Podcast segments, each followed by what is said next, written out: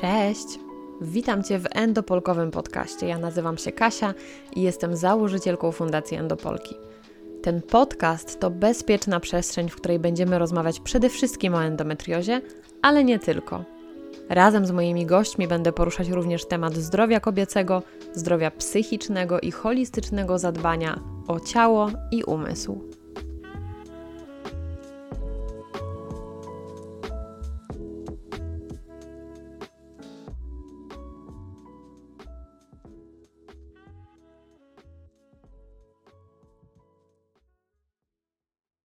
Dzień dobry.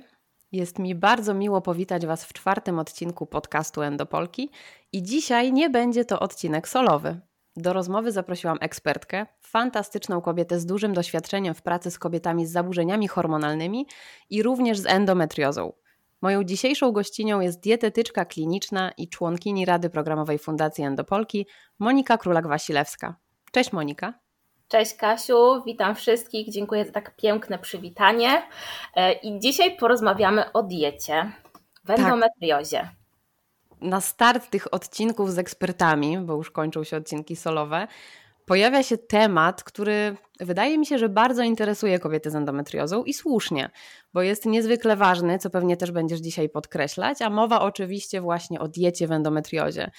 Zadamy sobie kilka też takich pytań, czy w ogóle istnieje taka jedna, uniwersalna dieta, czy zawsze potrzebujemy konsultacji z dietetykiem i w jaki sposób tak naprawdę możemy się wesprzeć, wesprzeć nasz układ pokarmowy, odpornościowy, obniżyć stan zapalny, który wynika z endometriozy. Mm, porozmawiamy sobie o tym, ale oczywiście nie tylko o tym. Mm, a to, od czego chciałabym zacząć, to w zasadzie zadać Ci takie pytanie, czy wprowadzenie samej diety wystarcza? Czy mówimy tutaj bardziej o zmianie stylu życia? Powiem tak, mimo że jestem dietetykiem, podchodzę, że jednak mm, jakby do kwestii żywienia, że jest ono bardzo ważne, ale nie ukrywajmy, że endometrioza to jest takie spektrum holistycznego zaopiekowania się sobą e, i na przykład operacja jest czasami jednym z takich kluczowych czynników, bez których pacjentka nie jest w stanie poradzić sobie z bólem, z tymi wszystkimi dolegliwościami i operacja jest czasami niezbędna. E, ale w przypadku endometriozy nawet najlepszy lekarz, który wykona świetnie tę operację, powie, że pacjentka musi zmienić styl życia, musi e, zacząć dbać o dietę, ze względu na to, że endometrioza po prostu lubi wracać. Dlatego dieta jak najbardziej, ale również e, kluczem do sukcesu jest to, że skupiamy się na niwelowaniu stresu, toksyn środowiskowych, dbamy o higienę snu, o nawodnienie, czyli właśnie takie holistyczne podejście e, do naszego organizmu. Czyli czasami nawet stosując idealną dietę, jeżeli nie zadbamy o jelita, jeżeli nie wykluczymy jakichś czynników e, prozapalnych, e, jakieś zakażenia wirusowe, bakteryjne, to niestety efekty mogą nie być takie, jakie oczekujemy. Mhm, czyli dieta jest tak naprawdę jednym właśnie z tych elementów holistycznego podejścia do endometriozy, tak jak mówiłam też w drugim odcinku. I ciężko tutaj mówić o takim naprawdę mm, mocno zauważalnym efekcie, jeśli nie podejdziemy do tego szerzej, jeśli nie włączymy tych kilku właśnie elementów, nie połączymy diety z ruchem, nie zadbamy o sen, o odpoczynek. Tutaj myślę, że ta regeneracja właśnie i sen też będzie miał bardzo duże znaczenie i zachowanie rytmu okołodobowego, o którym też czasami nawet w swoich mediach społecznościowych mówisz. Tak, nawet kwestia jest to, że mamy, możemy wprowadzić świetną dietę przeciwzapalną, ale jeżeli będziemy bardzo mało spały, to też to wpływa na zaburzenia inne hormonalne, chociażby zaburzenia gospodarki cukrowo-insulinowej. I gdzieś tam pośrednio ta dominacja estrogenowa znowu zaczyna e, e, potęgować. Dlatego zawsze uważam, że jakby dieta jak najbardziej, ale nie traktujmy po macoszemu innych aspektów naszego życia. Tutaj oczywiście dlatego przy leczeniu endometriozy mówi się, że jest potrzebny lekarz, dietetyk, psycholog, czasami psychiatra, urofizjoterapeutka, trener, yy, prawda, jeżeli chodzi o treningi, yy, bo to jest takie podejście całościowe. I też tutaj jest kwestia takiego indywidualnego podejścia, ale również tego, że pacjentka po prostu chce wprowadzić te zmiany. To można robić na już szybko, bo niektóre takie pacjentki są, że chcą wprowadzić od razu wszystkie kwestie zmian nawyków żywieniowych, a są pacjentki, które potrzebują czasu. E, to też dotyczy, dotyczy pacjentek, które jakby nie mają typowych objawów też związanych z endometriozą, czyli nie mają tak silnego bólu i wtedy może one też podchodzą do tego tak delikatniej, bardziej stopniowo, a jednak pacjentki, które borykają się z bardzo dużymi dolegliwościami związanymi z endometriozą, wiem, że często one chcą bardzo szybko zmienić ten styl życia, zmienić dietę, ponieważ ich jakość życia jest naprawdę kiepska. Też wydaje mi się, że często mamy takie przekonanie, że im więcej włączymy tych narzędzi, do im większej liczby specjalistów pójdziemy, tym efekt będzie szybszy. Niestety to też jest bardzo złudne, bo myślę, że i w kontekście diety czasami musimy poczekać na te efekty.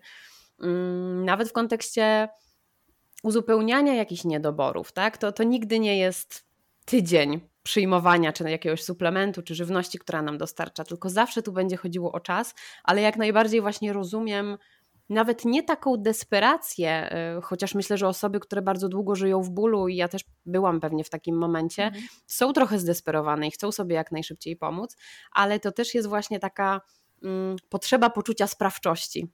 Im więcej zrobię, tym bardziej będę czuła, że sobie pomagam. Ale właśnie, to, co jeszcze chciałam powiedzieć już wcześniej, to to, że świetnie, że pomimo tego, że ty się specjalizujesz akurat w żywieniu, mówisz o tym, że to jest dużo, dużo szerszy temat, bo to też wskazuje na to, jak ważna jest współpraca między specjalistami. My, jako endopolki, potrzebujemy bardzo często sztabu specjalistów i też widzę taką właśnie tendencję, że specjaliści coraz częściej wymieniają się pomiędzy sobą mm, tym, co mogą zrobić dla danej pacjentki, podejmują takie współpracę. I nie ukrywam, że my też w ten sposób działamy w Radzie Programowej, tak? Mamy całą ekipę kobiet, każda się specjalizuje w innej działce i wydaje mi się, że właśnie wtedy to ma największy sens.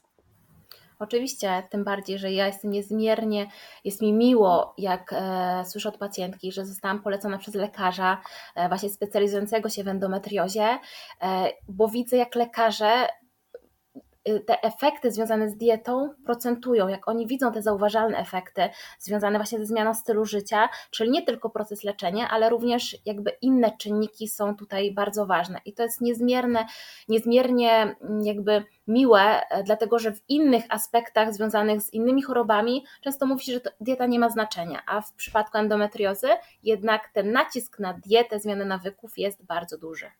Tak, i nawet to jest jedno z takich pierwszych zaleceń oczywiście u specjalisty w leczeniu endometriozy, bo, bo każdy inny lekarz mm, nie będzie aż tak powiedzmy naciskał na to, że ta konsultacja dietetyczna jest potrzebna, a specjaliści od endometriozy już to dobrze wiedzą i pierwsze e, dwie specjalistki, pierwszych dwóch specjalistów, których się poleca, to właśnie jest dietetyk i fizjoterapeutka uroginekologiczna. Więc dzisiaj zaczynamy o diecie.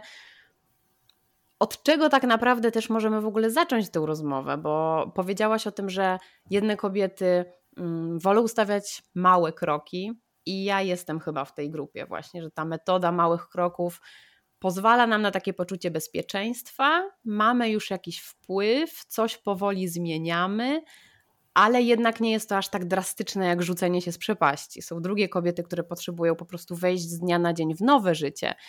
I czy ty jako mm, doświadczona ekspertka uważasz, że jedno z tych podejść jest lepsze, gorsze? Masz jakąś swoją, powiedzmy, taką ścieżkę, którą prowadzisz też pacjentki, mówiąc, żeby mm, w każdym miesiącu jakąś zmianę dokonały, albo żeby zaczęły właśnie od tych podstaw, które też wymieniłaś: sen, odpoczynek, zmniejszenie stresu, aktywność fizyczna. Znaczy, to jest właśnie tak, jak wcześniej wspominałam, kwestia bardzo indywidualna. To zależy też właśnie od tych dolegliwości związanych z endometriozą, ale nie ukrywam, że zawsze staram się jakby nakreślić wszystkie czynniki, nad którymi musimy popracować, bo oczywiście każda pacjentka jest inna i może być tak, że przychodzi pacjentka bardzo zdyscyplinowana, chodzi o 22 spać, ma e, pięknie nawodniony organizm, e, stara się suplementować, ale na przykład są inne czynniki, które może nie pozwalają temu organizmowi się zregenerować w 100%, bo na przykład ma problemy z histaminą, ma problemy z jakimiś innymi bakteriami, wirusami, pasożytami, czyli część, która się nie zagłębiała wcześniej, może dlatego, że też nie wiedziała, a to jednak wpływa na jej kwestię zdrowia. A są pacjentki, którymi musimy zacząć od podstaw, czyli tak naprawdę zaczynamy bardzo małymi krokami. E, czasami daję taki miesięczny plan, gdzie każę, znaczy proszę pacjentkę, żeby wpisała ile szklanek wody wypiła, o której się położyła spać, bo zaczynamy naprawdę od takich totalnych podstaw. E, ale to jest naprawdę duży klucz do sukcesu, bo jeżeli pacjentka nie zacznie chodzić, mówię, wcześniej spać. Miałam ostatnią pacjentkę, która chodziła o trzeciej w nocy spać, starała się wdrożyć dietę, ale dalej ta regeneracja nie była odpowiednia. No i tak naprawdę ustaliłyśmy, że jeżeli e, nie zacznie chodzić przed północą, no idealnie przed 22, to tych efektów nie będzie, bo też nie będą się regenerowały narządy wewnętrzne, nie, będą się, nie będzie się regenerowała wątroba, jelita, no i tych efektów po prostu nie będzie. Nawet przy najlepiej stosowanej diecie e, będą cały czas te zaburzenia. Dlatego uważam, że trzeba najpierw z pacjentką dokładnie porozmawiać, przeprowadzić taki wywiad zdrowotny, zobaczyć tak naprawdę, co ona może wprowadzić, a czego nie, bo są pacjentki, które na przykład nie mogą z pewnych rzeczy zrezygnować albo, e, nie wiem, ustalić sztywno godziny posiłku o 12, bo ja tak wymyśliłam, bo na przykład w tym czasie prowadzą jakieś zajęcia, e, mają jakieś spotkania, więc to trzeba też dopasować jakby do stylu życia i dopiero wtedy, jeżeli dopasujemy to do stylu życia na tyle, ile potrafimy najlepiej, e, widać najlepsze te efekty. Mimo, że może pacjentka nie działa według jakichś sztywnych norm idealnych, ale i tak widać u niej efekty. Dlaczego w ogóle o to pytam i o tym mówię, bo te osoby, które nigdy nie były też na takiej konsultacji dietetycznej, myślę, że mogą mieć taki obraz, że dietetyk tylko właśnie podaje te zalecenia żywieniowe. A tutaj mhm. właśnie chodzi o to, żeby spojrzeć na tego pacjenta, na tę pacjentkę na tyle szeroko, żeby pierwsze zmiany, które właśnie wprowadzić, to te bardzo bazowe. Nie wiem, czy każdy z dietetyków tak prowadzi swoje pacjentki.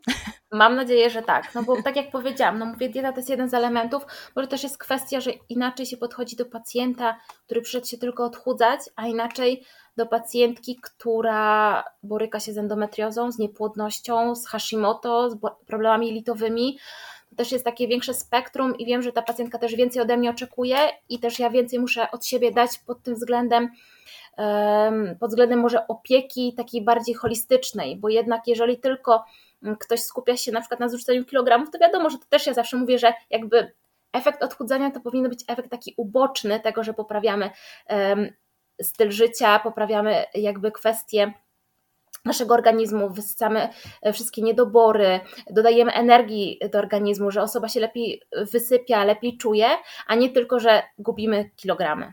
Mhm. Jak tak tego słucham, to od razu w głowie mi się mm, pojawia taka wielka góra, bo tak naprawdę temat endometriozy jest tak szeroki i tak dużo kwestii musisz mieć gdzieś z tyłu głowy, tak dużo też połączyć różnych czynników, które wpływają na to, dlaczego czujemy się źle w endometriozie. Tak dużo też mm, jest działań, które możesz wprowadzić, jak na przykład też już wspominałaś o tym wsparcie wątroby, jelit. Jakby to nie tylko jest kwestia zmiany po prostu pięciu produktów w naszej diecie, tylko to jest naprawdę taki bardzo mm, zindywidualizowany, bo myślę, że to też jest ważne do podkreślenia, plan żywieniowy, bo też nie mamy takich uniwersalnych rad i chociaż super edukuję się właśnie w taki sposób jak podcast i bardzo chciałabym podawać uniwersalne rady, to też wolałabym, żebyśmy już na starcie powiedziały, że mm, czasami są też takie kobiety, które naprawdę wymagają indywidualnego podejścia i takiej ścisłej współpracy z dietetykiem. Szczególnie jeśli do tego właśnie dochodzą inne zaburzenia, choroby, SIBO, IBS, insulinooporność, to już naprawdę robi się dosyć skomplikowany proces. Tak, i wtedy te pacjentki właśnie przychodzą, to analizując różne kwestie żywieniowe, uważają, że już nic nie będą jadły, bo nic nie mogą, e, patrząc na wszystkie inne czynniki, ale też trzeba, mówię, podejść tutaj bardzo indywidualnie, bo nawet przy kwestii SIBO, to nie jest tak, że taka faza eliminacyjna, co było kiedyś błędem, prawda, trwa bardzo długo niektórych pacjentów. I to też odbijało się w bardzo niekorzystny sposób na zdrowiu, ponieważ jakby zagładzaliśmy te nasze dobre bakterie, bifidobakterium w jelicie grubym i to też wpływało właśnie chociażby na estrabolom, na metabolizm estrogenów. Też mogło w jakimś tam stopniu potęgować endometriozę przez to, że był zaburzony cały ten mechanizm usuwania nadmiaru e, tych metabolitów estrogenowych. Mm, dlatego jakby kwestia mm, takiego podejścia do diety powinna być bardzo też przemyślana. E, I oczywiście nie ma jednego takiego czynnika, który powoduje endometrioza, powstaje bo. Na przykład y, mamy problem tylko z dominacją estrogenową. Niestety tak nie jest, bo często ma na to wpływ szereg innych czynników, ale jakby nawet analizując te poszczególne czynniki, jesteśmy w stanie bardzo tą chorobę wyciszyć mm, i ją wspomóc. I tak jak wspomniałaś, Kasiu, no to jest czubek góry lodowej endometrioza, czyli tak naprawdę pod Y, powierzchnią wody jest wiele aspektów, nad którymi musimy popracować, czyli właśnie wątroba, jelita, e, kwestia blokerów receptorów estrogenowych, które tak naprawdę to są często po prostu zwykłe produkty żywieniowe, które fajnie, żeby się znalazły w naszej diecie. Chociażby warzywa z rodzin kapustnych, fitoestrogeny. Kiedyś była, było takie boom, że fitoestrogeny są bardzo złe, ponieważ one tak. mogą podbijać ten poziom estrogenów i że osoby z podejrzeniem nowotworów, endometriozą powinny po prostu od nich stronić. A fitoestrogeny są na tyle jakby przebiegłe, e, i bardzo mądre, ponieważ jeżeli mamy niedobór tych estrogenów, one pięknie potrafią go wyrównać, podnieść. To chociażby w okresie menopauzy u kobiet. Natomiast w przypadku właśnie raka endometrium, endometriozy, potrafią wspomóc y, w regulacji tych y, estrogenów, jakby je, można powiedzieć, obniżając. E, dlatego nie bójmy się tych fitoestrogenów, a fitoestrogeny to są też strączki, e, to, jest, to są właśnie te wszystkie warzywa kapustne, sezam, siemię lniane. Było właśnie boom, że siemię lniane totalnie nie, ale ja uważam, że właśnie strączki siemię lniane, sezam, są, świet, są świetnymi produktami, które powinny być na co dzień w naszej diecie. Czy również wszystkie e, te produkty bogate, teraz może będą takie ciężkie nazwy jak sulforafan czy indolo 3 carbinol, to są właśnie też substancje, które wzmacniają ekspresję receptorów estrogenowych, wspomagają detoks organizmu i jakby wzmacniają wydalanie tego nadmiaru estrogenów. I to są chociażby brokuły, kapusta, rzepa, kalafior, kapusta pekińska, więc takie produkty, które idąc do zwykłego supermarketu jesteśmy w stanie kupić wszędzie. No tak, bo wcale nie chodzi o to, żebyśmy miały teraz wyszukiwać superfood z Ameryki mhm. Południowej, tylko bardzo często jest to nawet podstawa diety u wielu osób. I tak jak mówisz, możemy pójść do um, lokalnego jakiegoś warzywniaka czy do supermarketu i znajdziemy te produkty. Ale jeszcze odnośnie fitoestrogenów, pamiętam jak ja zaczynałam swoją nową drogę z endometriozą i przeszukiwałam wszystkie fora, które się znajdują e, na Facebooku głównie. I pamiętam po prostu ten postrach, jaki siały te fitoestrogeny i te wszystkie wpisy o tym, żeby odstawić strączki, że przecież mówimy o dominacji estrogenowej. Nie możemy sobie tego robić. To jest najgorsze zło, a siemielniane to po prostu jest no, po prostu najgorszy wróg, jaki tylko może być u endokobiety. Więc teraz się oczywiście z tego śmiejemy, bo już trochę więcej wiemy, ale to jest badania, też... tak jak powiedziałeś, e, badania tak. cały czas są coraz nowsze i my też jako dietetycy się często gubimy, bo jedne badania mówią jedno, kolejne mówią co innego i chociażby nawet do nabiału nawiązując, cały czas jest dylemat, czy ten nabiał jest dobry, czy jest zły. Metaanaliza, która ostatnio jakby ujrzała światło dzienne, mówi, że nabiał tak naprawdę może nawet minimalizować ryzyko endometriozy, tylko kwestia, jaki to jest nabiał.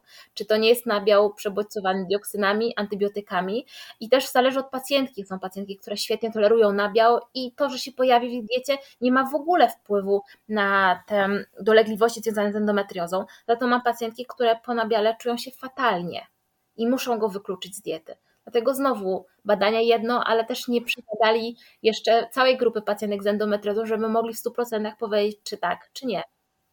Tak, wydaje mi się, że też takie dzienniczki żywieniowe czasami pomagają pacjentkom w tym, żeby określić, który produkt może być szkodliwy, a nawet w której fazie cyklu, bo to jest to, co ja u siebie też obserwowałam czasami faza cyklu, czasami też pewien moment w życiu. Nie zawsze dobrze tolerowałam nabiał. W tym momencie jest dużo lepiej, ale były naprawdę takie dni, kiedy po nawet takiej małej ilości mozzarelli już mogło być dużo gorzej. I to jest jedna ta kwestia sporna właśnie z nabiałem, a druga gluten. Dalej gdzieś po prostu zastanawiamy się nad tym i walczymy z tymi przekonaniami, że gluten trzeba od razu odstawić, jak tylko dostajemy diagnozę endometriozy, a przecież to też nie jest takie zero-jedynkowe. Nie jest. I ja też nawet po, często po wywiadzie zdrowotnym, jeżeli widzę, że pacjentka w dzienniczku żywieniowym spożywa chleb żytni, chleb orkiszowy pełnoziarnisty i nie mówi, że po tym ma nasilone dolegliwości, ja ten gluten uważam, że wtedy mogę bez problemu zostawić i też nie ma, uważam, wskazań, że każda pacjentka powinna wykluczyć produkty glutenowe. Tym bardziej, że czasami spotykam się z pacjentkami, które zastępują produkty pełnoziarniste, bogate właśnie w wapń, magnez, witaminy z grupy B, wafle ryżowe, wafle kukurydziane, wchodzą pieczywo bezglutenowe naprawdę kiepskiej jakości, bo nie mówię, że każde, bo są też pieczywa, które mają świetną jakość i są bardzo fajnie zbilansowane, ale jednak e, często te produkty bezglutenowe jeszcze nie są do końca bardzo dobrej jakości. E, też wtedy jest taki myk, że te pacjentki czasami sięgają po słodycze bezglutenowe, gdzie jest multum tłuszczów trans, innych dodatków, które właśnie w badaniach potwierdzają w 100%, że one są szkodliwe dla endometriozy. E, dlatego nie możemy wpaść w taką pułapkę mody, e, tego, kto coś polecił, bo to, co powiedziała koleżanka, oczywiście może jej służyć, ja nie przeczę, ale niekoniecznie dla tej pacjentki konkretnej. Również będzie służyło na przykład odstawienie glutenu, jeżeli ogólnie na przykład dobrej jakości pieczywo toleruje. My też często zapominamy o tym, że nie trzeba od razu sięgać po takie drastyczne kroki, a podstawą jest chociażby mm, zmniejszenie albo nawet wykluczenie tego jedzenia takiego bardzo przetworzonego, po które my właśnie sięgamy w takich momentach, kiedy próbujemy znaleźć jakiś zdrowszy wybór. Tutaj dobrze, że powiedziałaś o tym paczkowanym pieczywie bezglutenowym. Jednak składy są bardzo rozbudowane, mówiąc tak. delikatnie. Tak. I tak naprawdę, żeby ten chleb miał w sobie jakieś wartości i jeszcze też miał smak, bo umówmy się, te wszystkie paczkowane chleby nie mają żadnego smaku, są jak gąbka, to trzeba by było samemu je piec. I ja owszem, też piekłam takie chleby, na przykład gryczane, i, i mhm. myślę, że były mm, i na pewno miały więcej wartości niż te ze sklepu. Były też smaczne, ale to oczywiście wymaga dodatkowych czasu. Układów energii, tak, czasu. Tak. Oczywiście to jest nasze jeszcze większe zaangażowanie, a też po prostu czasami to nie jest tak, że my musimy tylko taki chleb jeść, tylko właśnie okazuje się, że możemy też mm, zamienić chociażby pszenicę na orkisz, czy, czy, czy włączyć żyto. Tak, czy cudownie jak mamy czas, prawda, ale jednak patrząc na pacjentki, z którymi współpracuję, nie mają przeważnie czasu i proszę Pani Moniko, proszę, żeby to było zdrowe, ale szybkie. Więc e, też zdaję, mam z tego świadomość, że jeżeli bym wprowadziła bardzo skomplikowaną dietę i, i często ona mogłaby być wdrożona na przykład, nie wiem, 2-3 tygodnie, ale pacjentka w końcu by się poddała. Więc to też chodzi o to, żeby pacjentka po prostu nabrała świadomości, co jest dla niej dobre, co nie jest e, co jej nie służy, mm, bo takie bardzo rygorystyczne, mówię, bardzo urozmaicone diety są super, ale wiem, że to się bardziej sprawdza tak pojedynczo, niż jakby na zmianę stylu życia każdy robi potknięcia. Ja też jako dietetyk, nie wiem, zjem czekoladę, e, zjem lody i to jest normalne, tylko chodzi o to, żeby na co dzień trzymać się pewnych zasad i wiem, że jakby im bardziej skomplikowane produkty, posiłki, to się nie sprawdzi na co dzień. Tak, to może być fajne na początek, bo sobie myślisz, wow, zmieniam kompletnie zawartość lodówki. Kupuję teraz y, nasiona chia, chociaż akurat nasiona chia nie są aż tak wymyślne, ale jest bardzo dużo innych produktów, yy, które naprawdę trudno jest znaleźć też tak na co dzień w sklepie, tylko musimy gdzieś zamawiać je chociażby przez internet.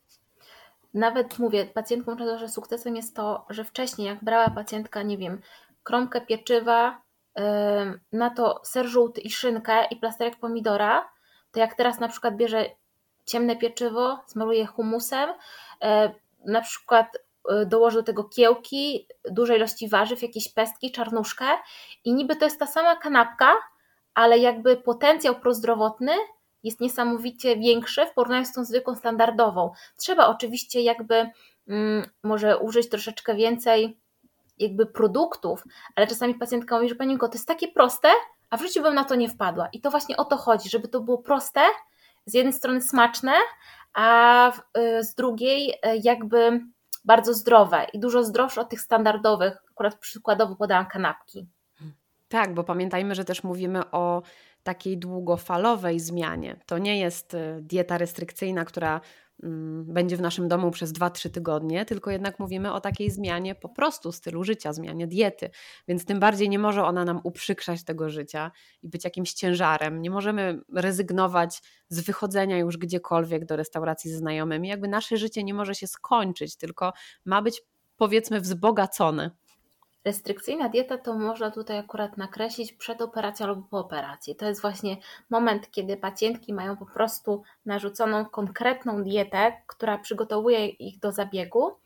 E, I wtedy rzeczywiście muszą tego przestrzegać, ale to jest tylko właśnie taki element. I widzę, jak czasami po takim momencie przygotowania przed e, operacją i po operacji pacjentka mi, Pani Moniko, w końcu możemy przejść na normalną dietę.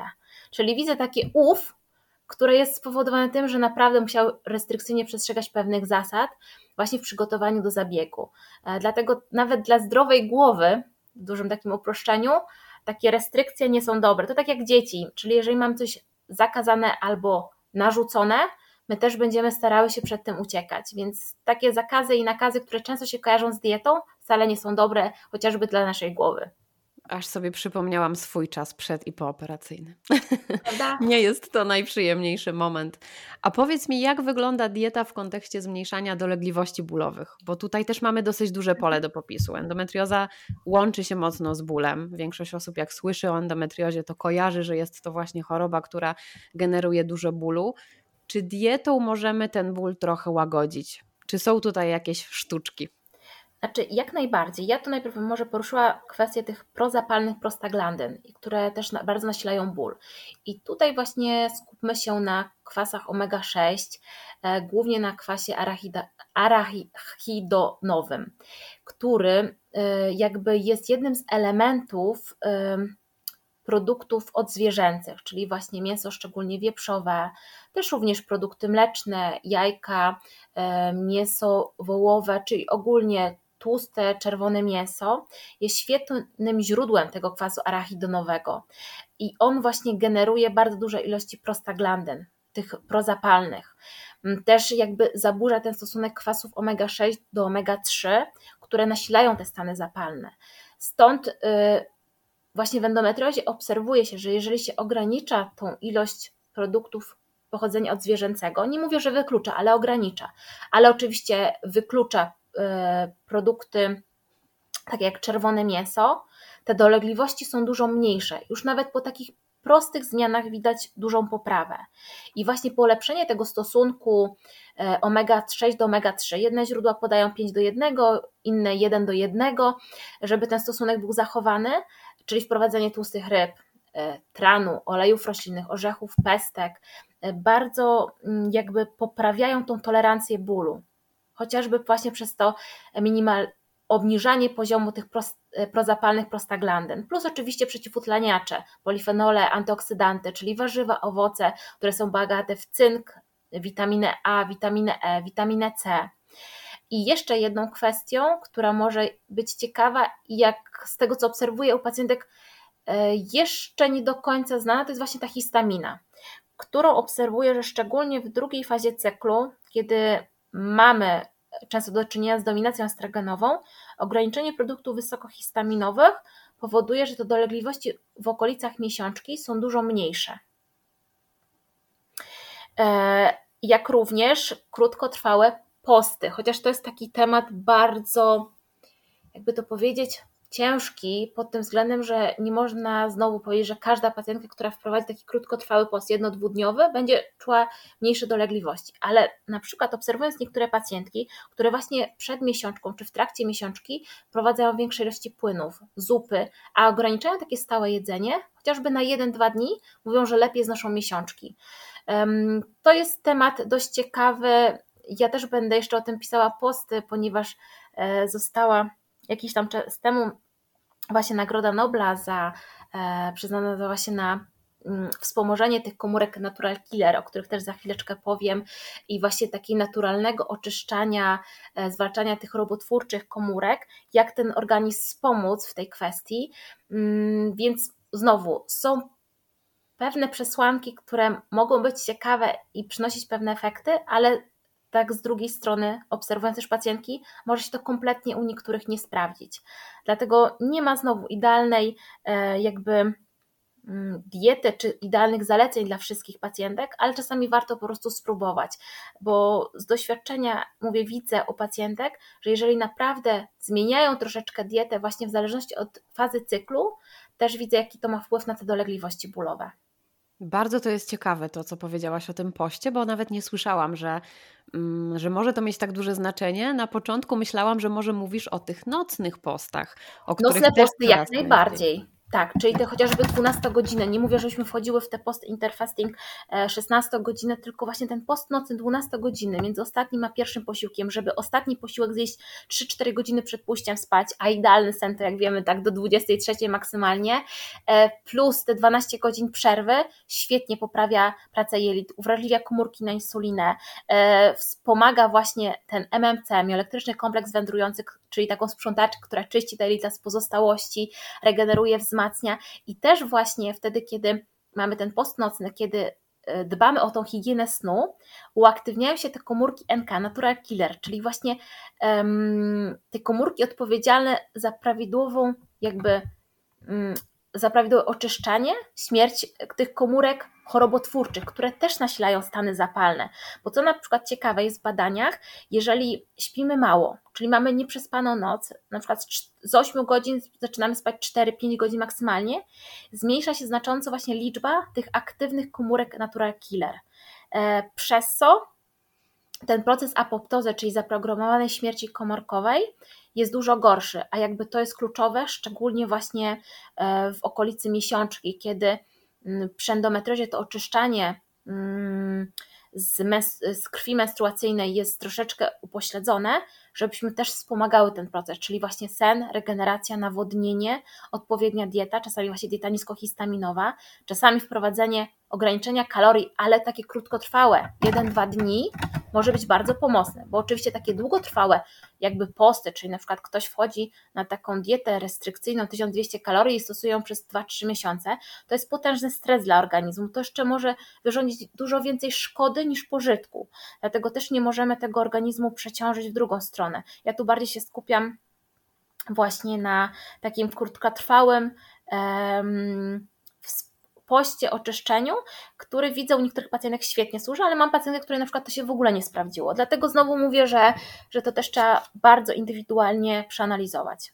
Czyli trochę to są takie eksperymenty i sprawdzanie, co dla kogo jest dobre, żeby nie zaszkodzić, żeby nie zwiększyć właśnie tego stresu, bo też bardzo często chyba my jako pacjentki nie zastanawiamy się nad tym, że te działania, które podejmujemy teoretycznie dla naszego zdrowia, czyli na przykład zmniejszamy ilość kalorii, to może zadziałać właśnie odwrotnie, bo to będzie bardzo duży stres dla naszego organizmu.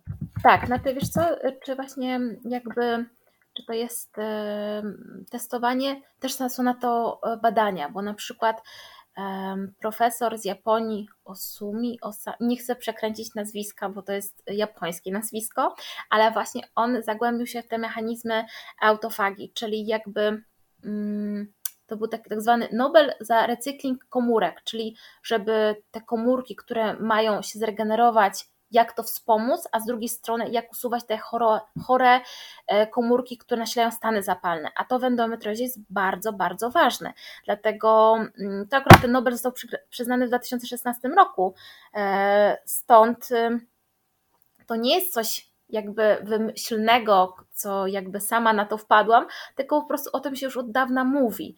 Tylko to jest temat bardzo raczkujący pod tym względem, że jednak mało osób jeszcze go jakby obserwuje, wprowadza w życie, ale widzę, że pacjentki właśnie z endometriozą no starają się jakby szukać tych alternatywnych też kwestii żywieniowych, może innych metod, które złagodzą te dolegliwości bólowe. Tak, znaczy chciałabym bardzo wierzyć w to, że kobiety coraz mniej sięgają po farmakologię, po leki przeciwbólowe, które jak dobrze wiemy mają swoje skutki uboczne, nie wspominając o tych y, lekach, o tym grubym arsenale z grupy opioidów, bo to już naprawdę y, możemy popaść też w takie błędne koło. Mm, ale widzę rzeczywiście też taką tendencję, że kobiety coraz częściej, nawet gdzieś na profilach na Instagramie, bo rzeczywiście tych profili też jest coraz więcej, właśnie kobiet, które mówią o E, o tym, jak się żyje z endometriozą i widzę, jak też wyszukują mm, na przykład, jakie zioła można pić w endometriozie, co będzie działało rozkurczowo, co będzie działało przeciwbólowo. I oczywiście znowu to nie są uniwersalne rady, bo na każdego mm, inaczej dana substancja pewnie zadziała, aczkolwiek z mojej perspektywy na pewno no, takie szukanie jest lepsze niż sięganie po APAP, Ibuprom czy Ketonal i dalej. Znaczy to na pewno działa y, wolniej, prawda? Czyli to nie jest tak, jak weźmiemy APAP i już jest e, jakby wszyscy, ten ból e, zminimalizowany, tu jednak trzeba troszeczkę podziałać e, dłużej, żeby te efekty zaobserwować. Dlatego te zmniejszenie dolegliwości bólowych to właśnie tak, hamowanie tych, tej syntezy prozapalnych prostaglandyn, czyli głównie kwasy omega-3, antyoksydanty. Dlatego tak dużo się mówi o tym, że ta dieta powinna być bogata właśnie dobrej jakości ryby, siemielniane, oleje, jakby owoce jagodowe, warzywa, żeby tych antyoksydantów i kwasów omega-3 było jak najwięcej, ale też również działanie właśnie rozkurczowe, czyli wapń, magnez, które jakby wpływają relaksacyjnie na mięśniówkę narządów miednicy małej, czyli wtedy też te dolegliwości związane ze skurczami są mniejsze, a jak wiemy te skurcze nasilają się często u pacjentek w endometriozie e, i nasilają te dolegliwości bólowe, czyli znowu właśnie kasze, orzechy, pestki, e, sezam, płatki owsiane, też produkty żywnościowe, które mają naprawdę bardzo fajne działanie pod tym względem, że są świetnie bogate w wapń, magnez. Ja nawet jak właśnie układając dietę dla pacjentek z endometriozą, bardzo zwracam uwagę, żeby jednak tego magnezu, wapnia było znacznie więcej, e, bo to wpływa na polepszenie jakości życia, po prostu. Mhm. Czy masz tutaj na myśli właśnie wprowadzanie tych produktów tak długofalowo w ciągu całego miesiąca, czy właśnie dzielisz to też na fazy cyklu, myśląc o tym, że w tej fazie, kiedy jest miesiączka, czy nawet jeszcze faza przed miesiączką, kiedy już ten ból może się pojawiać, czy może wtedy lepiej jest na przykład włączyć więcej produktów, które y, zawierają magnez i wapń, czy patrzymy na to jakby mm, w kontekście całego tygodnia czy, czy miesiąca, że codziennie muszą pojawić się dane produkty? Znaczy ogólnie świetnie, jak pojawiają się codziennie, prawda? Czyli nie możemy skupić się tak, że przez dwa tygodnie jemy tak sobie, a przez dwa tygodnie przed miesiączką zaczynamy jeść super. E, ale fakt, że przed miesiączką to zapotrzebowanie na magnez jest znacznie większe. Dlatego czasami ratujemy się po prostu suplementami e, w tym okresie, ale dieta jakby powinna się wdrażać już, powinna wdrażać e, długofalowo, ze względu na to, że te efekty, tak jak wspomniałam, one nie są czasami na już, tylko po prostu potrzeba czasu. E, tak jak mówię, te procesy apoptozy, czy naturalna śmierć komórek, czy angiogeneza, czyli tworzenie się naczyń krwionośnych, które niestety zaopatrują w tlen e, właśnie w substancje odżywcze, te zmiany endometrialne. Dlatego tu jest ważne, żebyśmy też zadziałały jakby długofalowo. I są na przykład produkty, które mówi się, że hamują to angiogenezę, czyli to tworzenie tych sieci naczyń krwionośnych. Między innymi właśnie zielona herbata, czy kurkumina, e, tymianek, rozmaryn, czyli też zioła, które możemy dodawać na co dzień do naszych produktów. Oczywiście właśnie kwas omega-3, likopen, czyli naturalny ekstrakt z pomidorów, z przecieru, w przecierze pomidorowym jest go bardzo dużo, w soku pomidorowym. Resveratrol, czyli ciemne właśnie owoce, owoce jagodowe. To są produkty, które mogą właśnie tak całościowo wpływać na hamowanie pewnych procesów, które nasilają te ogniska endometrialne, które je jak to się mówi, odżywiają, żebyśmy wyciągnęły tą wtyczkę, jakby odcięły ten prąd od odżywiania. I to znowu trzeba robić e, długofalowo, ale rzeczywiście w okolicach miesiączki czasami można poobserwować właśnie chociażby te produkty wysokohistaminowe, czyli to są produkty długo dojrzewające, fermentujące, puszkowane, takie jak właśnie parmezan, produkty e, puszkowane, sery pleśniowe, czy też owoce, które są potencjalne warzywa zdrowe, awokado, czasami szpinak, truskawki, cytrusy, mogą nasilać tę dolegliwość. A to szczególnie jest ważne u pacjentek, które mając endometriozę, borykają się jeszcze z jakimiś problemami skórnymi albo silnymi bólami migrenowymi. Warto wtedy sprawdzić, czy na przykład ograniczenie tych produktów wysokohistaminowych nie uśmierzy bólu na innych również aspektach, bo jeżeli pacjentka przez zbliżające się miesiące również ma bardzo silne bóle migrenowe, to ona wtedy ma kilka dni wyjętych z życia. E, a czasami ograniczenie właśnie takich produktów wysokohistaminowych i też dbanie o jelita, bo ten enzym DAO, który składa tą histaminę, jest produkowany w jelitach, więc tu trzeba znowu zacząć od podstaw. E, widzę, że wtedy jakby całościowe takie podejście daje najlepsze efekty. Też sobie od razu pomyślałam o tych kobietach, które poza endometriozą mają jeszcze jakieś inne dolegliwości wynikające z różnych zaburzeń, czy to będzie SIBO, czy to będzie IBS.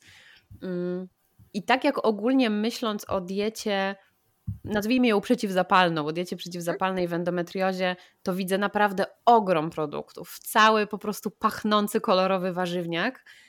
To niestety, gdy pojawia się też jeszcze jakaś inna choroba czy zaburzenie, to ta lista trochę nam się zmniejsza, bo to nie jest tak, że mm, musimy rezygnować z jakichś produktów, które są szkodliwe ogólnie, tylko z takich owoców czy warzyw, które są naprawdę zdrowe dla jednej grupy tak. kobiet, a dla drugich mogą mm, sprawiać, że te dolegliwości bólowe czy po prostu jakieś nieprzyjemne, niekomfortowe będą się częściej pojawiać, tak jak właśnie produkty yy, te fermentujące, tak? W przypadku SIBO chociażby jabłko, gruszka, czosnek, cebula, to, to wszystko to są bardzo zdrowe produkty i przecież y, mówi się też dużo o tym właśnie, żeby tym bardziej w tym okresie, y, gdzie jest dużo infekcji, jeść czosnek, bo on jest takim naturalnym antybiotykiem. Tak, tutaj Kasiu jakby nawiązując, jeszcze przepraszam za mój głos, coś mi utknęło w gardle. Mam nadzieję, że zaraz przejdzie.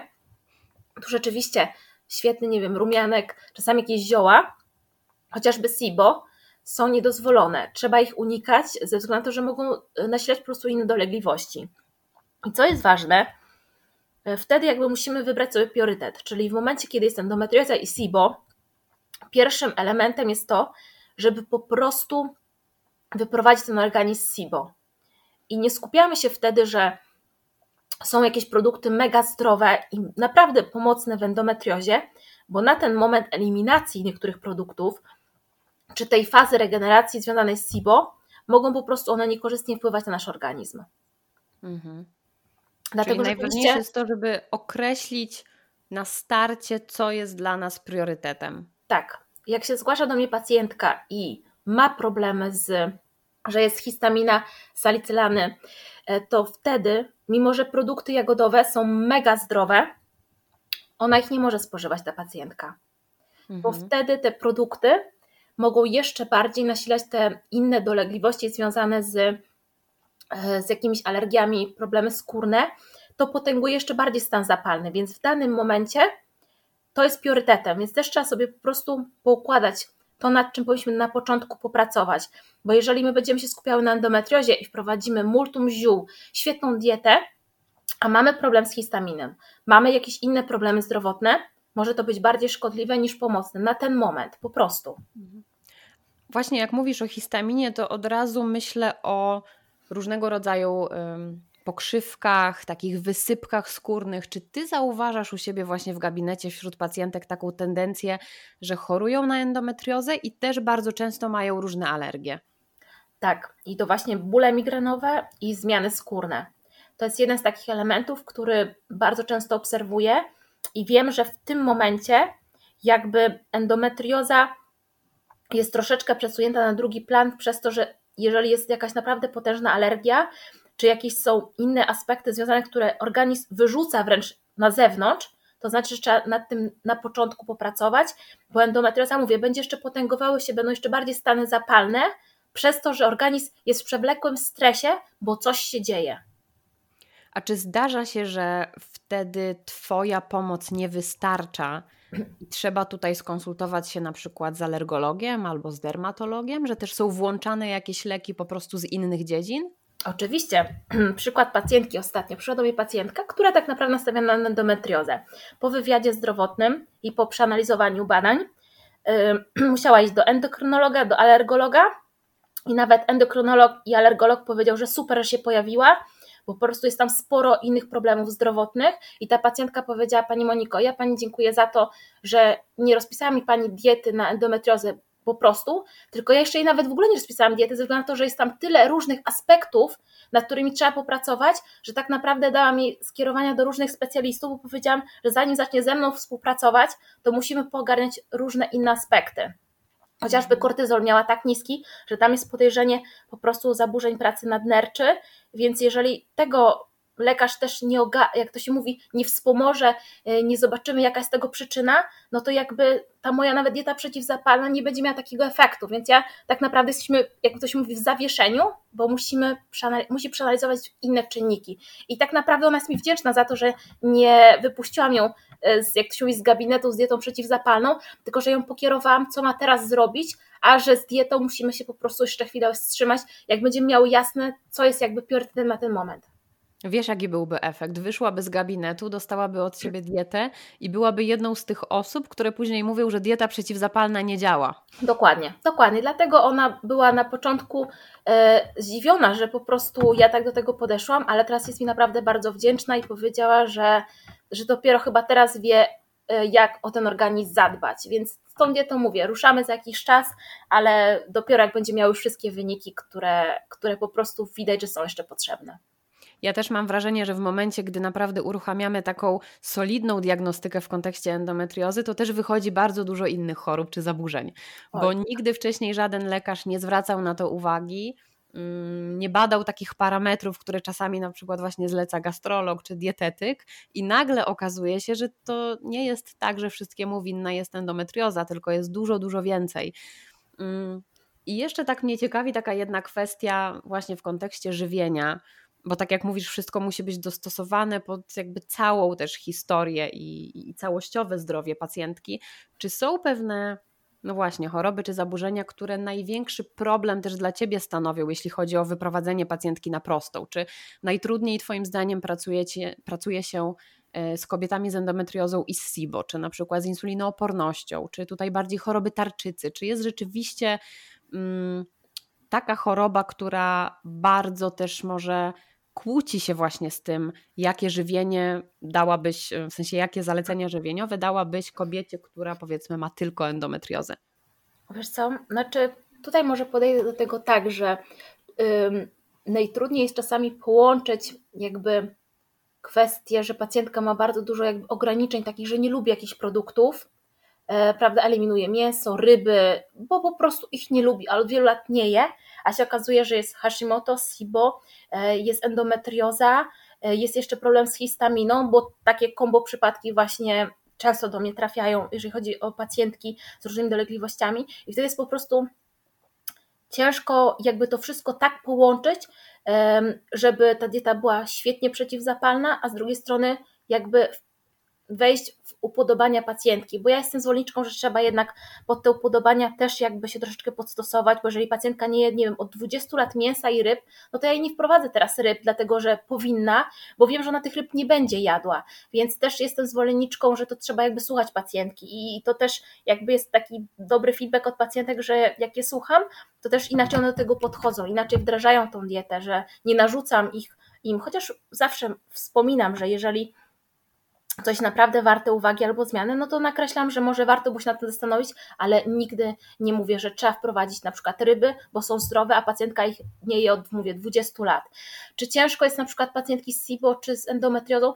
Powiem tak, ja do tego tak nie podchodzę, bo to jest wszystko zależy od pacjentki. Jeżeli pacjentka jest tak naprawdę zdyscyplinowana pod tym względem, że chce o siebie zawalczyć, to nie ma czegoś takiego, że nawet jak ma kombo różnych dolegliwości, że nie da się z tego wyjść, albo że to jest ciężki przypadek. Ja czasami mi się świetnie pracuję z pacjentką, która ma właśnie multum różnych dolegliwości, schorzeń, ale wiem, że jest dyscyplinowana, że naprawdę się pilnuje pewnych zasad, niż z pacjentką, która ma endometriozę, ale nie ma dolegliwości bólowych, e, nie ma takich typowych objawów i z jednej strony Pani Monika, wiem, że muszę zmienić ten styl życia, ale ja tak nie odczuwam, więc może jeszcze tą furtkę taką do tych innych produktów z listy zakazanej jest ona troszeczkę bardziej otworzona, szersza.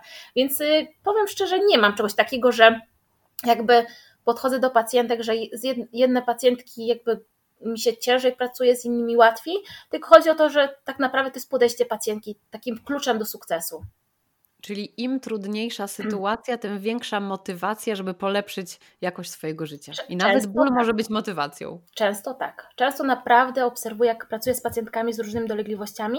Świetnie mi się z nimi współpracuje, dlatego że one są bardzo zdyscyplinowane. Może dlatego, że przez wiele lat na tyle się wycierpiały, że już po prostu mówią, że chcę zmienić styl życia, tylko znowu, to właśnie nie jest dieta, tylko to jest zmiana stylu życia, czyli pracujemy nad wieloma aspektami. Czasami ja się pytam pacjenta, albo na przykład ja sama fakt wysyłam, może się zdarzyć późno dietę, ale się śmieję do pacjentek, że mają mi odpisywać rano, ale nie o tej godzinie, że jak ja wysyłam, bo już wtedy wiem, że popełniają błąd, który nie powinny.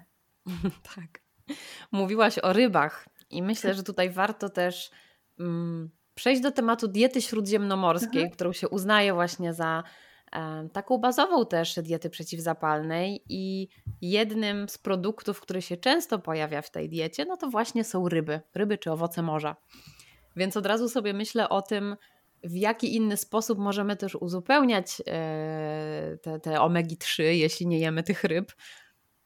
Znaczy tak, tutaj w ogóle jeszcze chciałabym nawiązać, że zasady tej diety śródziemnomorskiej, co może będzie pocieszające dla większości słuchaczek, e, że to jest chyba dieta taka, można powiedzieć, jedyna rzecz, pod którą się podpiszę, że jest to dieta uniwersalna, ogólnie dla pacjentek z endometriozą, chociaż e, podkreślimy to, że jeżeli pacjentka ma endometriozę właśnie SIBO, no to wiadomo, są pewne ograniczenia, jeżeli ma problem z histaminą, kolejne ograniczenia, ale to jest taka baza, z której możemy wychodzić. Czyli e, jakby zalecenia tej diety i te zasady są bardzo jakby korzystne tak naprawdę przy wielu schorzeniach, ponieważ to jest właśnie dużo owoców, świeżych warzyw, właśnie są rośliny strączkowe, e, duże ilości ryb, e, chudego drobiu dobrej jakości, e, zdrowych tłuszczy, oliwa z oliwek, mm, przypraw, prawda, czyli rozmaryn, tymianek, bazylia, czosnek. Tak jak mówię, czosnek w przypadku SIBO nie, ale u innych pacjentek świetnie się może sprawdzić. Też właśnie są te przyprawy, które potencjalnie mogą bardzo fajnie wpływać właśnie na te procesy apoptozy, angiogenezę, żeby jakby hamować tą endometriozę tak naturalnie. I też kwestia obróbki kulinarnej, czy nie tak jak w polskiej tradycyjnej kuchni, smażymy w panierce na tłuszczu, tylko właśnie bardziej gotowanie na parze, pieczenie, ewentualnie, no mówię, krótkie grillowanie, bo takie długie też nie jest korzystne, ponieważ tam się tworzą te dioksyny, które są niekorzystne dla naszego zdrowia. Tu jeszcze odnosząc się do tych, e, tego świetnego jakby badania na makakach królewskich, które przez 4 czy 5 lat były szprycowane tymi dioksynami, nie zachodziły w ciążę, a po śmierci jednej z małp, jak zaczęto robić sekcję, to było, że mm, ma zaawansowaną endometriozę czwartego stopnia i u 86% tych małp stwierdzono endometriozę, czyli też widać właśnie te czynniki zewnętrzne środowiskowe mają znaczny wpływ, czyli na przykład takie właśnie grillowanie y, smażenie jest bardzo niekorzystne dla naszego zdrowia. A odnośnie ryb, no to nie ukrywajmy, że jeżeli ktoś nie je tych ryb, no to wtedy najlepiej, żeby uzupełniał te kwasy omega-3 w postaci e, czy omek e, wegańskich albo pochodzenia rybiego. To zależy, bo czasami niektóre pacjentki nie jedzą ryb, ale te wegańskie omegi, e, przepraszam, te omegi z pochodzenia rybiego stosują normalnie, albo po prostu z alg omegi wegańskie, żebyśmy w tym kierunku szły, ale oczywiście właśnie siemię również, siemielniane, to jest też świetne źródło kwasów omega-3, dlatego chciałabym, żebyśmy gdzieś tam podeszły do tego, że nie bójmy się właśnie takich produktów pojedynczych i też nie patrzmy, że tylko pojedynczy produkt nam jakby załatwi całość, bo to chodzi o to, żeby te produkty, posiłki ogólnie były rozmaicone, żeby miały też właśnie niski indeks ładunek glikemiczny, a nawet taki dodatek siemienia lnianego e, ze względu na zawartość też zdrowych tłuszczy obniża ten wyrzut cukru, więc to są takie superfoods, które jakby przemycamy w potrawach, e, dają bardzo dużo, jeżeli chodzi o nasz cały organizm. Też jak myślę o diecie śródziemnomorskiej, to wydaje mi się, że mm, tam nie ma takich wymyślnych produktów. Tak naprawdę też bazujemy na bardzo prostych produktach, które możemy znaleźć w każdym sklepie. To nie jest jakieś wielkie wyzwanie, żeby e, nagle jeść w ten sposób. Tak, ja powiem szczerze, to nie, bo oczywiście jest multum różnych superfoods, e, które można dorzucać do naszej diety, tylko wiem, z doświadczenia, że często jak pacjentki, jest pierwsza konsultacja i pacjentka mówi, Pani Moniko, bo ja mam to, to, to, to, to wymienione chyba 20 superfoods, ja mówię, ale używa to Pani na co dzień? No nie, no właśnie leżą u mnie w szafce, więc z chęcią bym to wykorzystała. To jest dla mnie sygnał, że po prostu pacjentka usłyszała od koleżanki jednej, drugiej, albo gdzieś przeczytała, że coś jest super i nakupowała tych wszystkich produktów i to po prostu leży. A niestety to, co leży w szafce, no nie zadziała. Więc tak naprawdę czasami na początku trzeba zacząć od podstaw i zacząć właśnie małymi krokami tą dietę urozmaicać. Nie wiem, skupić się, przypuśćmy, ja czasami pacjentkom mówię, kupujemy nasiona czarnuszki, żeby były na przykład kiełki, najlepiej posadzić oczywiście samemu w domu i siemielniane. I zacznijmy od takich superfoods, od takich podstawowych, a później rozszerzajmy. Czy na przykład jak pacjentka ma anemię, no to mówię, dorzućmy pierzgę czy pyłek pszczeli, bo często ta anemia też jest jednym z elementów właśnie endometriozy. No, żeby też naturalne takie rzeczy dopasowane do pacjentki, gdzie jakiś jest kluczowy problem, e, mogłoby to po prostu fajnie wspomóc ten organizm. Świetnie. Myślę, że to, co mówisz, też właśnie daje taką nadzieję mm, kobietom, które jeszcze nie zaczęły wprowadzać zmian żywieniowych, nadzieję na to, że to wcale nie musi być skomplikowane, to nie musi wymagać też od nas e, bardzo dużej ilości pieniędzy, bo nie wszystkie te produkty są mhm. jakieś naprawdę turbo drogie. Mm, większość znajdziemy powiedzmy w osiedlowym sklepie i pewnie większość też kiedyś kupowałyśmy, tworzyłyśmy z tego jakieś posiłki, więc to nie musi być aż taka wielka rewolucja, bo naprawdę ten wachlarz możliwości jest duży, o ile nie mamy też innych ograniczeń. I tak się zastanawiam, czy, czy każda kobieta z endometriozą mm, powinna pójść do dietetyka, czy może sobie sama poradzić, sama sobie mm, stworzyć taki swój właśnie plan, powiedzmy, plan żywieniowy, wprowadzić te, te zmiany, o których mówisz i poprawić właśnie swój układ pokarmowy, odpornościowy, zmniejszyć dolegliwości bólowe. Pewnie, ja uważam, że każda osoba powinna spróbować, prawda? Że to nie jest tak, że są pacjenci, którzy nie, są, nie mogą sobie pozwolić finansowo na urofizjoterapeutka, na dietetyka, prawda? Mm, czasami no, lekarz jest taki must have, i, i gdzieś tam nawet na lekarza odkładają pieniądze, ale chodzi o to, żeby też y, słuchać swojego organizmu, czyli nawet zacząć właśnie od takich małych rzeczy, wysypiać się, prowadzić większej ilości wody, chociażby ta woda z imbirem, trochę, nie wiem, jeżeli nie mamy innych przeciwwskazań, to wprowadzić sobie jakiś ostropest, karczo, wspomagać tą wątrobę, zacząć dbać o te jelita, czyli na przykład jakaś babka e, płesznik, czy babka jajowata. Chodzi o takie podstawowe rzeczy, więcej zieleniny, nie wiem, jak ktoś lubi jakieś zielone koktajle, czyli zrobi sobie koktajl na bazie natki, jarmużu, e, nie wiem, selera naciowego. Chodzi o to, że też można sobie te elementy jakby pięknie e, połączyć i wprowadzić. Oczywiście na początku jest jeden wielki chaos często u pacjentek w głowie, bo same nie wiedzą od czego zacząć. I nawet ja ja widzę po pacjentkach, że mówią, że po roku do, widzą, jakie były bezradne na tych początkach. Śmieją się czasami same z siebie, jak widzą ten pierwszy dzienniczek żywieniowy, które przyniosły. Bo chodzi o to, że jak one przez ten pierwszy rok robiły taką rewolucję w swoim życiu, zmieniły te nawyki.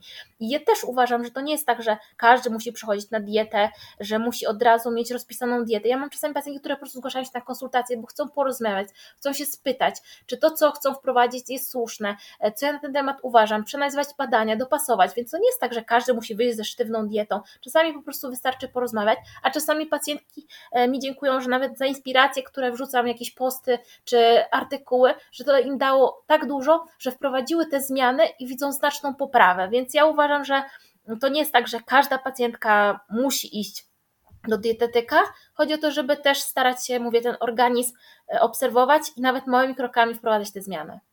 Zgadzam się też z tym, że mm, w dobie internetu mamy tak duży dostęp do informacji, szczególnie właśnie jak specjaliści tacy jak ty zakładają konta na Instagramie czy generalnie w mediach społecznościowych, mm, to mamy ten dostęp na co dzień i myślę, że to też jest taka bardzo pocieszająca informacja, właśnie nawet nie tylko dla tych kobiet, które rzeczywiście mają trudną sytuację finansową, bo myślę, że większość kobiet z endometriozą, które korzystały z usług kilku specjalistów, wiedzą, jakie to są koszty miesięczne. Mm, to właśnie pocieszające jest to, że jeśli chodzi o dietetyka, to nie musi być tak bardzo regularna współpraca, jak na przykład z fizjoterapeutką uroginekologiczną, mm, że możemy tak naprawdę pójść nawet na jedną konsultację, żeby chociażby mm, sprawdzić nasze wyniki badań, tak? bo my nie możemy ich interpretować, jeśli nie mamy takiej wiedzy. Więc tych możliwości współpracy też wydaje mi się, że jest bardzo dużo. Pewnie, dlatego ja też mówię, chodzi o to, żeby każdy podszedł e, i zaczął ten organizm po prostu obserwować, e, jakby słuchać swojego organizmu i naprawdę małe zmiany, a mogą dać świetne i ogromne efekty w poprawie samopoczucia. Tylko trzeba po prostu gdzieś tam e, zacząć inaczej podchodzić i traktować ten organizm jak przyjaciela, a nie jak wroga, bo czasami też ja widzę pacjentki z endometriozą, E, strasznie podchodzą, znaczy chyba przez ten cały okres takiego buntu związanego też z tym, że ta choroba się pojawiła, że tak bardzo wyklucza sami z takiego codziennego życia, że po prostu zaczynają po macoszemu trochę trować ten swój organizm, co nie jest też dobre, ale wiadomo, to też jest kwestia, e, że trzeba się inaczej nastawić po prostu. Myślę, że też często obserwujesz mm, to, jak bardzo zaburzona jest relacja z jedzeniem, z ciałem i tutaj na tym polu też pewnie wymaga to czasami dużo pracy. Tak, znaczy to jest ważne, żeby pacjentka też y, nie wstydziła się mówić, że po prostu boli i że mm, to jest choroba, która jakby ją wyklucza z życia codziennego. Super, że w mediach się zaczyna o tym coraz więcej mówić, że mm, pacjentki, no brzydko mówiąc, nie są postrzegane, bo tak pacjentki czasami mówią, że były postrzegane jako wariatki, które proszę iść do psychiatry, no bo pani cały czas mówi, że boli, i to gdzieś też przez wiele pewnie miesięcy, lat wpływało na jakby akceptację własnego ciała. Tak. Ostatni wątek, który chciałabym poruszyć, to zalecenia, jeśli chodzi o dietę przed operacją i po operacji. Trochę już to poruszyłyśmy, że tutaj będzie bardziej restrykcyjny czas mhm. i pacjentki też z ogromną przyjemnością wracają do swojego jedzenia. Mm, ale co mogłabyś zalecić właśnie, jeśli chodzi o te uniwersalne wskazówki? Jest kobieta, która szykuje się do operacji, mm, powiedzmy, termin ma na za miesiąc. Mhm. Czy już może wprowadzać jakieś zmiany? Czy to są tylko te terminy na trzy dni przed operacją i później powiedzmy. Miesiąc to jest chyba za dużo, za długo, ale z dwa tygodnie wcześniej rzeczywiście powinniśmy jakieś tam restrykcje już zacząć wprowadzać, bo chodzi o przygotowanie jelit. Nigdy też czasami, jak przygotowujemy się do operacji, nie wiemy, gdzie ten zabieg będzie, jakie obejmował obszary. Czasami też się okazuje, że ta endometrioza jest y, na jelitach, prawda? Jednak mm, przygotowanie do operacji wiem, że też ułatwia pracę lekarzom, po prostu. I wtedy jakby taką zalecaną dietą jest na pewno dieta wysokobiałkowa, która jakby też wspomaga regenerację organizmu po operacji, przyspiesza gojenie ran, więc to jest jakby ważne, tu szczególnie takim ważnym aminokwasem jest L-arginina, którą czasami się po prostu suplementuje, nawet czasami lekarze wiem, że zalecają te nutri-drinki wszelkiego rodzaju, ja bardziej polec, znaczy ja jestem bardziej zwolenniczką może takiego zwykłego, nawet izolatu białka serwatki, czy jakiegoś izolatu roślinnego, jeżeli ktoś jest, jeżeli pacjentka jest weganką, ze względu na to, że te wszystkie nutryjniki też są bogate w cukry i można sobie po prostu gdzieś tam ładnie to ominąć. Plus ta dieta powinna być ubogoresztkowa, czyli wtedy rzeczywiście rezygnuje się z tych potencjalnie bardzo zdrowych produktów, grube kasze, orzechy, pestki, e, duże ilości owoców, nawet te owoce jagodowe, czyli maliny, borówki, nie są polecane, bo one mają te pesteczki, które też gdzieś tam w te ilta ingerują, dlatego wtedy zostaje tak naprawdę często duszone jabłko, banan, pomidor bez skórki, jakaś cukinia, marchewka. Ta dieta rzeczywiście jest taka bardzo ograniczona w tym okresie przed i po operacją, dlatego żeby odciążyć troszeczkę tej jelita. Ja też często zalecam, żeby na przykład z produktów e, zbożowych to był ryż basmati kasza jaglana, które nie mają dużo błonnika, które są, no tak jak ogólnie nie zaleca się takich produktów oczyszczonych, to w tym przypadku właśnie e, te produkty są zalecane. Ale wcale nie musi to być biała bułka z masłem. Nie, właśnie ja tutaj obalam ten mit, czyli na przykład jak ostatnio wysłałam pacjentę też taką na przygotowanie do operacji, ona mówi, Pani Moniko, mimo że to jest dieta lekkostrawna, taka przygotowanie do operacji, to jest zachowany taki element diety przeciwzapalnej. Czyli właśnie to nie była biała buła z masłem i z szynką, tylko po prostu my bardziej sobie bazowałyśmy właśnie na jakiejś kaszy jaglanej z takimi dodatkami warzyw czy jakichś owoców dozwolonych, żeby mimo wszystko zachowywać ten aspekt związany z endometriozą. Świetnie. I czy takie same zalecenia też dajesz pacjentkom po operacji? Czy to już zależy od tego, jaki obszar był operowany? Czy była resekcja jelita? Bo domyślam się, że tutaj też będą inne wytyczne. Tak, ale ogólnie też jest taka zasada, z tego co obserwuję, to się sprawdza, że jednak po operacji taka dieta jeszcze lekko strawna przez jakiś tydzień, dwa do trzech, to w zależności od oczywiście indywidualnie od pacjentki, jest zalecana. E, też widzę, że lekarze też preferują i właśnie taka wysokobiałkowa, żeby ten organizm wzmocnić, czyli czasami też właśnie um, dla wzmocnienia, dla przyspieszenia tych gojenia ran, jakieś, no lekarze czasami właśnie te nutridrinki zalecają, ale też żeby e, jakieś jajko na miękko, chudy drób, pojawił się chuda ryba, żeby jednak ten organizm wzmocnić, bo wtedy potrzebujemy takiej silniejszej regeneracji. Mhm. Myślę, że generalnie ta regeneracja trochę trwa. Tak. Że to tak. nie jest nigdy te dwa tygodnie, ale jednak się mówi, że do pół roku. Tak, bo znaczy do dwa tygodnie to bardziej mi chodzi o taką restrykcją diety. Później ją po prostu mhm. rozszerzamy. Oczywiście to jest mówię indywidualnie. Czasami pacjentki po tygodniu, po dwóch mogą rozszerzać, niektóre potrzebują trzech, czterech tygodni, ale do pół roku rzeczywiście e, to jest taki moment, kiedy musimy się zaopiekować jelitami, czyli często wchodzą probiotyki, maślan sodu, e, żeby też wspomóc ale też przygotowanie przed operacją jest jakby kluczowe, żeby minimalizować różnego rodzaju te zaburzenia mikroflory jelitowej. To jest też chyba dobry moment, żeby przypomnieć o tym, że my już miałyśmy taką rozmowę na temat diety właśnie przedoperacyjnej i pooperacyjnej. Mm, ta rozmowa jest dostępna na Facebooku. Y, Tam jest Rozmawiałeś... też prezentacja nawet taka pod, y, krótka, prawda, że można sobie ją przejrzeć y, i, tak. i nie tylko posłuchać, ale też jakby sobie jakieś tam skany porobić, jeżeli chodzi o prezentację. Właśnie tak. Z tego co pamiętam, ponad godzinna rozmowa. Rozmawiałyśmy jeszcze z fizjoterapeutką uroginekologiczną Magdą Kosmalą-Banasik, więc jeśli mm, jesteście akurat teraz na takim etapie przedoperacyjnym, to myślę, że warto do tej rozmowy wrócić. Jest to na pewno duże rozwinięcie tego, o czym tutaj dzisiaj przez chwilę rozmawiałyśmy. Dokładnie. Chyba, że już się zmieniły jakieś wytyczne i Monika musimy zrobić tutaj um, nie, ostatnio powiem Ci szczerze, moja pacjentka właśnie y, jest świeżo po operacji, powiedziała, że bardzo dobrze się czuje i że lekarz jak zobaczył moje zalecenia powiedział, że e, tak, on się pod to podpisuje rękoma i nogami, czyli chyba się nic nie zmieniło. Czyli update nie jest potrzebny. Tak, a lekarz jakby specjalizuje się naprawdę w endometriozie, więc chyba właśnie Świetnie. zmian żadnych nie potrzebujemy. Świetnie, dobrze to też słyszeć właśnie, że lekarze mm, podkreślają, jak ważna jest dieta, że doceniają, że też pacjentki współpracują z innymi specjalistami. Myślę, że przede wszystkim gramy wszyscy do jednej bramki i jeśli lekarz zobaczy, że pacjentka na tyle dba o siebie holistycznie, że wprowadza też właśnie inne metody, narzędzia, korzysta y, z pomocy specjalistów, to i dla niego tu są same korzyści. Oczywiście, bo wtedy widzę, że lekarze na przykład, jak pacjentka wraz z takim feedbackiem od lekarza, że lekarz jest bardzo zadowolony, że po operacji no te ogniska nie ma wznowy, e, że naprawdę to się wszystko widzi owulację, że wróciła, więc oczywiście tu jest jakby kwestia lekarzy bezapelacyjna, że to jest bardzo ważne, czasami jest operacja i niezbędna, ale później ten aspekt, że lekarz mówi, jestem bardzo zadowolony, że pani zmieniła tą dietę, zmieniła nawyki, bo widzę, że ta endometrioza nie wraca, no to znaczy, że jakby ten team się udał.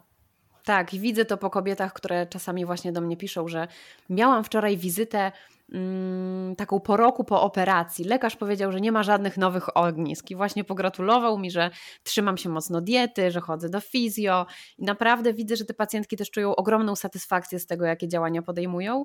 Mm, no i właśnie jakby podsumowując, ta dieta naprawdę może też zrobić tutaj dużo dobrego.